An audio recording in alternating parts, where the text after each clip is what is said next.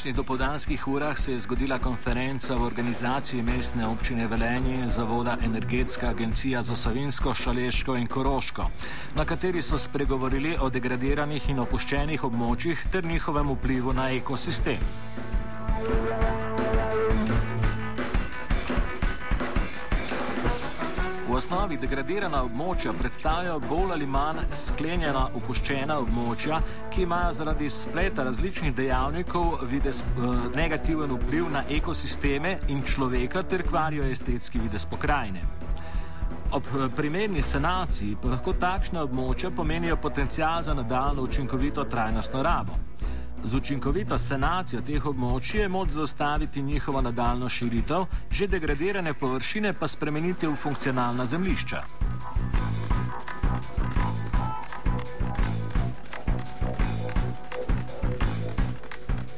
V Sloveniji se ocenjuje, da to vrstna območja zauzemajo tisoč hektarjev ozemlja. Pobude, kot je pričujoče, omogočajo, da storimo korak naprej v konstruktivni rabi omejenih degradiranih območij.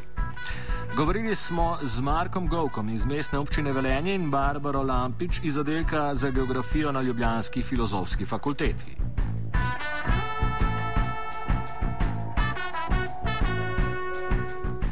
Na začetku nam Govko predstavi projekt z uradnim imenom From Marginal to Renewable Energy Sources Sites, ki je odprl dopodansko konferenco.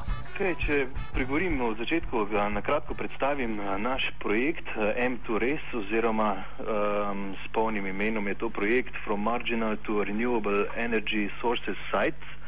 Uh, je projekt, ki ga skupaj s partnerji uh, Eh, izvajamo skozi evropski program eh, Jugovzhodna Evropa 2007-2013. To je program, ki, ga, eh, ki je sofinanciran tudi iz RDF-ja. Skratka, gre za projekt, Eh, ki je nekako usmerjen k revitalizaciji oziroma k uporabi eh, marginaliziranih oziroma degradiranih površin. Eh, mi smo se v samem projektu fokusirali na par tipov teh zemljišč oziroma površin. Cilj tega projekta je, da vse te površine v vsaki državi članici, ki sodeluje, naredijo analizo teh degradiranih površin in uh, kaj je možno na teh degradiranih površinah uh, izvesti. Um, govorimo seveda o pridobivanju neke nove ekonomske, pa tudi družbene vrednosti teh degradiranih površin in uh, projekt M2RES je fokusiran v pridobivanje te nove ekonomske in socialne vrednosti preko uh, izkoriščanja obnovljivih verov energije. Um, tu, so, tu je več tipov um, obnovljivih virov energije. Um, projekt M2RES je nekako skoncentriran na pridobivanje um, električne energije iz uh, fotovoltaike, nekatere države, spoh uh, Italija, um, Grčija tudi za inštalacijo termoelektrarn, sončnih termoelektrarn, tako imenovanih solarnih koncentratorjev. Potem so tukaj um, različne možnosti uh, izkoriščanja uh, deponijskih plinov, um, Um, na odlagališčih uh, komunalnih odpadkov, potem je tukaj geotermalna energija, vetrna energija in tako dalje. Um, mi smo v okviru projekta M2RES že izvedli kar nekaj aktivnosti um, in zaključil se bo nekje v spomladi leta 2014, se pravi prihodne leto, tako da je v letošnjem letu uh, nekako najbolj aktivno leto, kar se tiče tudi um, outputov samega projekta. Naredili smo lokalno analizo tukaj za Savinsko statistično regijo o teh potencijalnih uh, um, degradiranih uh, površinah, ki imajo potencijale za um, izgradnjo uh, elektrarn za pridobivanje elektrike iz obnovljivih verov energije. Kaj mi želimo tukaj izvesti? Slovenija ima cel kup enih problemov z temi obnovljivimi viri energije, uh, vključno z degradiranimi površinami uh, do pred, mislim, da je lansko leto filozofska fakulteta tudi naredila eno zelo veliko študijo za Ministrstvo za gospodarstvo in uh, um, za Agencijo Republike Slovenije za okolje ravno na to temo, sicer po malce drugačni metodologiji, ampak um, so, smo prišli do nekih uh, skupnih zaključkov, uh, da so tu ogromne možnosti za investicije. Uh, zdaj, kako do, teh, do izvedbe teh investicij je pa, je pa problem zaradi različnih faktorjev. Največji problem je tukaj razdrobljeno lastništvo, posamezni, posamezne lokacije imajo v lasti uh, par privatnih lastnikov, če malo karikiram, pa še kakšna lokalna skupnost uh, skupaj v lastništvu, tako da uh, tukaj vidimo kar nekaj težav, um, kako bi zadevo izvedli. Se pravi, na nivoju projekta pa bomo v končni fazi oblikovali v vseh državah članicah projektne, projekta bomo oblikovali 40 uh, investicijskih predlogov, konkretnih, za konkretna uh, degradirana površina. Izmed teh 40 bo strokovna komisija izbrala 10 najbolj potencijalnih in uh, 10 uh, z najvišjim potencijalom za izvedbo investicij. In se pravi, izmed teh 10 bomo izbrali pa še dva taka, ki sta res najbolj primerna uh, za takojšnjo investicijo.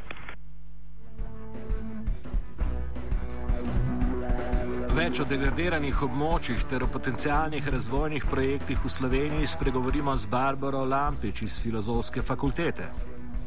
Tako, po tej naši evidenci, ko smo leta 2011 pač pregledali vseh 211 slovenskih občin, ne, smo ugotovili, da je tak, takrat bilo stanje nekaj hektarov manj kot tisoč uh, hektarov, tako kot ste rekli. Ja. Hm. To je verjetno po, razkopljeno po celi Sloveniji. Eh, ja. Lahko mogoče malo več o teh območjih samih, kako so nastala oziroma zakaj so postala degradirana? Uh, v bistvu uh, to pravzaprav niso vsa degradirana območja, ne? ker neke trde definicije, kaj to degradirano območje sploh je, nimamo. Tudi druge države v Evropi je nimajo, ampak uh, bistvo pa je, da gre za prostor, ki je funkcionalno uh, bi rekla, izpraznjena, da je brez funkcije oziroma ima zmanjšano funkcijo. To je bil tudi eno naše vodilo. Ne. Naročnik tega projekta je bilo Ministrstvo za gospodarstvo, ki razvoj in tehnologijo ne, in oni so želeli v bistvu, da evidentiramo tiste degradirane območja, kjer bi bila mo možna neka potencijalna investicija, kamor bi lahko pač potencijalno umeščali neke nove razvojne projekte. Ne. Zato smo bili s tem malo omejeni. Popisali pa smo v bistvu tista degradirana območja, ki jih je povzročila bodi si industrija, bodi si vojaška dejavnost, območja rudarske dejavnosti, pa območja m, eh, transportnih pa infrastrukturnih uh, objektov. Tako da samo te štiri tipe, na te smo se osredotočili, tako da manjka še kar nekaj drugih, ampak uh, samo teh površin smo evidentirali v bistvu teh tisoč hektarov.